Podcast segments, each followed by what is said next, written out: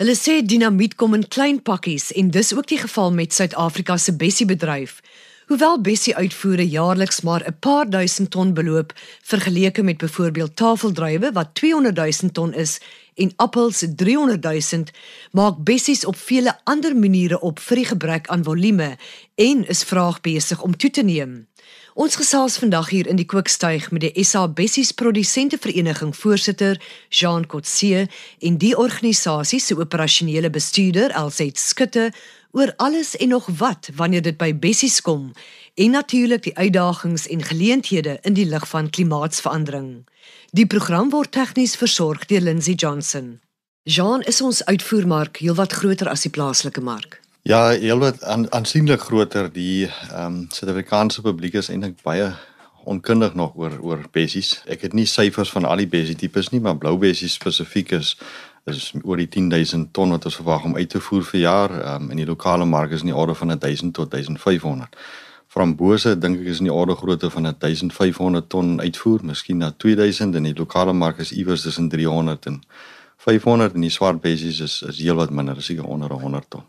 Watter lande is ons grootste uitvoervennote? Suid-Afrika Suid-Afrika se tradisionele vennote is eintlik my Europese omgewing. So die meeste van die bessies gaan hoofsaaklik Europa of die VK um, en daar is baie goeie groei, maar, maar dis nie genoegsaam vir ons groei langtermyn. En die alternatiewe marke wat jy ontgin, waarna kyk jy? Op die oomblik fokus ons ons maar op 'n uh, land so China. Uh, daar so 'n uh, kort lysie waar uh, ek dink uh, LZ is meer betrokke by daai seker miskien by vir ons te vir eh, 4 of 5 geïdentifiseer. Ons kyk na China eerste, Suid-Korea, Japan en Taiwan. Is die blou bessie ons vlaggenskap bessie? Ja, ek sou sê dit is ja. En die vraag na bessies wêreldwyd, is dit aan die toeneem? Dit wil so voorkom. Blou bessies miskien vir 'n geruime tyd nou meer as as frambose, uh, maar beide het dubbelsyfer persentasie groei in in in ons hoofsaaklike markte.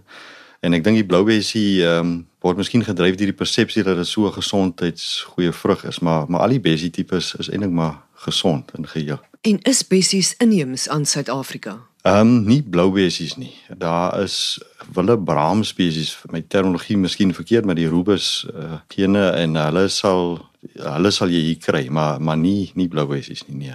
Alsit waar word die meeste bessies verbou? En dis maar die lekker deel van 'n van die bessie is dit nou eintlik redelik aanpasbaar is en ek gaan ook nou maar 'n bietjie fokus op die blou bessie. Maar jy kan eintlik 'n blou bessie produseer enige area wat uh, matige hitte het, waar dit dan nie te warm is nie, ook nie te koud is nie en waar en waar jy goeie kwaliteit water het. So ons in Suid-Afrika kry jy redelik in verskeie areas, veral George, Groblersdal, Porterville is areas waar dit nogals op groot maat verbou word. En watter van ons spesies is die gewildste? Is dit maar die blou bessie? Dit is definitief die blou bessie op hierdie stadium, maar daar's nie 'n spesifieke blou bessie wat uitstaan nie, um, omdat ons produseer oor so 'n lang seisoen van Augustus tot omtrent Februarie is daar nie regtig een spesifieke een nie. So hy gaan hy begin met ons vroeë kultivars, hy gaan oor na die later kultivars. Ek kan wel sê dat die die nuwer kultivars wat ons tans het, soos wat die groter bessie het, wat krakerig is, wat soeter is, is is baie populêr eerder as die ouer kultivars wat die kleiner bessie gehad het en dalk nie so soet was nie. Is bessies nie buite bereik van die meeste Suid-Afrikaners se beursies nie? Man ek moet met jou saamstem hier oor ek ek dink dit is ongelukkig is dit op die oomblik nog redelik duur vir die man op straat. Ek glo daarom egter dat die plaaslike pryse oor tyd sal sal bietjie sal afkom en meer bekostigbaar sal raak vir ons almal. As ek kyk na die pryse in die in die supermark op die oomblik, kan ek darm sê dat die dat dit redelik aan die daal is en aan die afgaan is. Maar hoekom is dit so duur? Wel dit is omdat dit so duur is om te produseer op die stadium. Jean, hoe word die bessie bedryf deur klimaatsverandering geraak? Bessies in geheel, veral blou bessies is eintlik half 'n semi-skaduwee plant van sy oorsprong. Frambose en en swart bessies het 'n baie groot blaaroppervlak, so hulle is eintlik nogal baie blootgestel aan aan hoë temperature of hoë windtoestande. So dit is 'n dis definitief 'n faktor, maar in da, dit in ag genome, elke perseel sal daardie faktore op sy beste van sy vermoë probeer bestuur deur middel van goed soos windbreuke en bedekking soos net of selfs plastiek. Ehm um, maar dit is definitief iets om om in gedagte te hou. En na my mening dink ek is beskikbaarheid van hoë kwaliteit water is eintlik miskien die grootste beperking langtermyn. Al sê julle doen heelwat proefwerk oor siektes. Wat is Bessie se grootste bedreiging?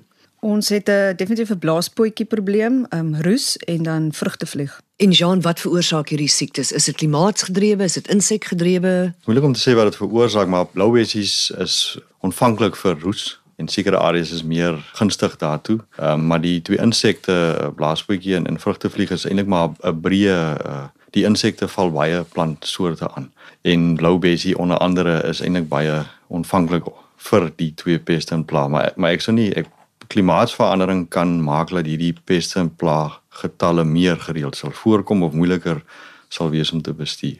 Hoe groot is die boerdery potensiaal vir bessies alsit? Op hierdie stadium is die wêreldaanvraag in so 'n mate dat dit 30% toeneem op 'n jaarlikse basis. So dit is 'n ongelooflike groot geleentheid vir ons as 'n land.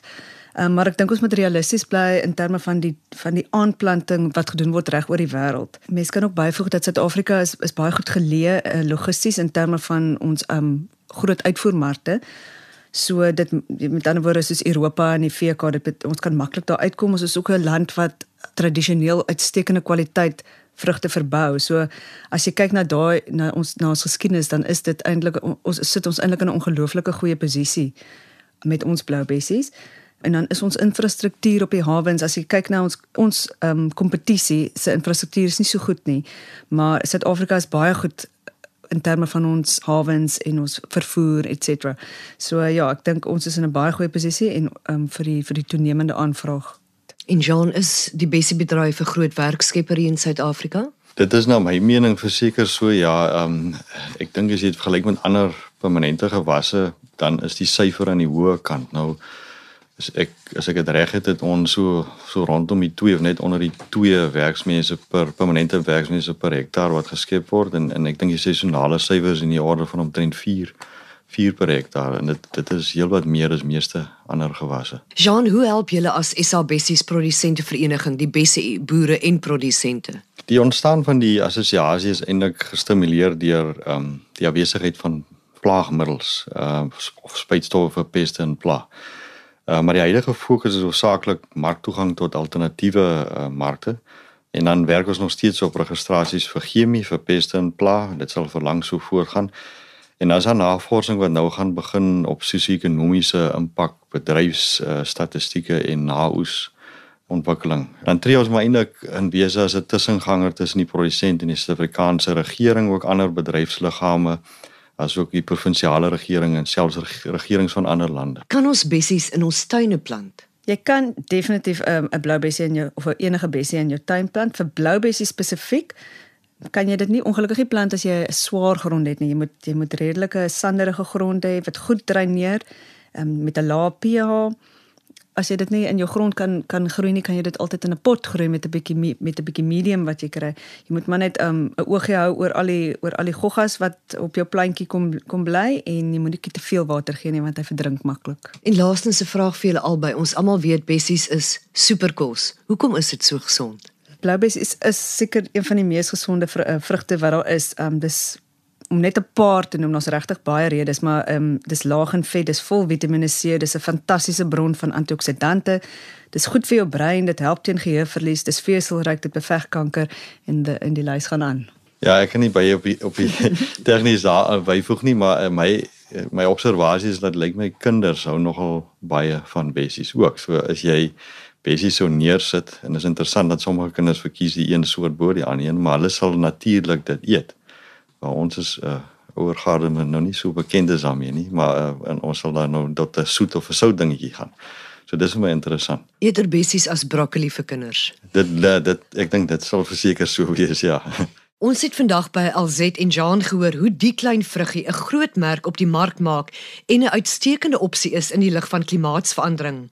Of jy nou van appeliefies, frambose of blou bessies hou, almal is super gesond en 'n teenvoeter vir allerlei kwale.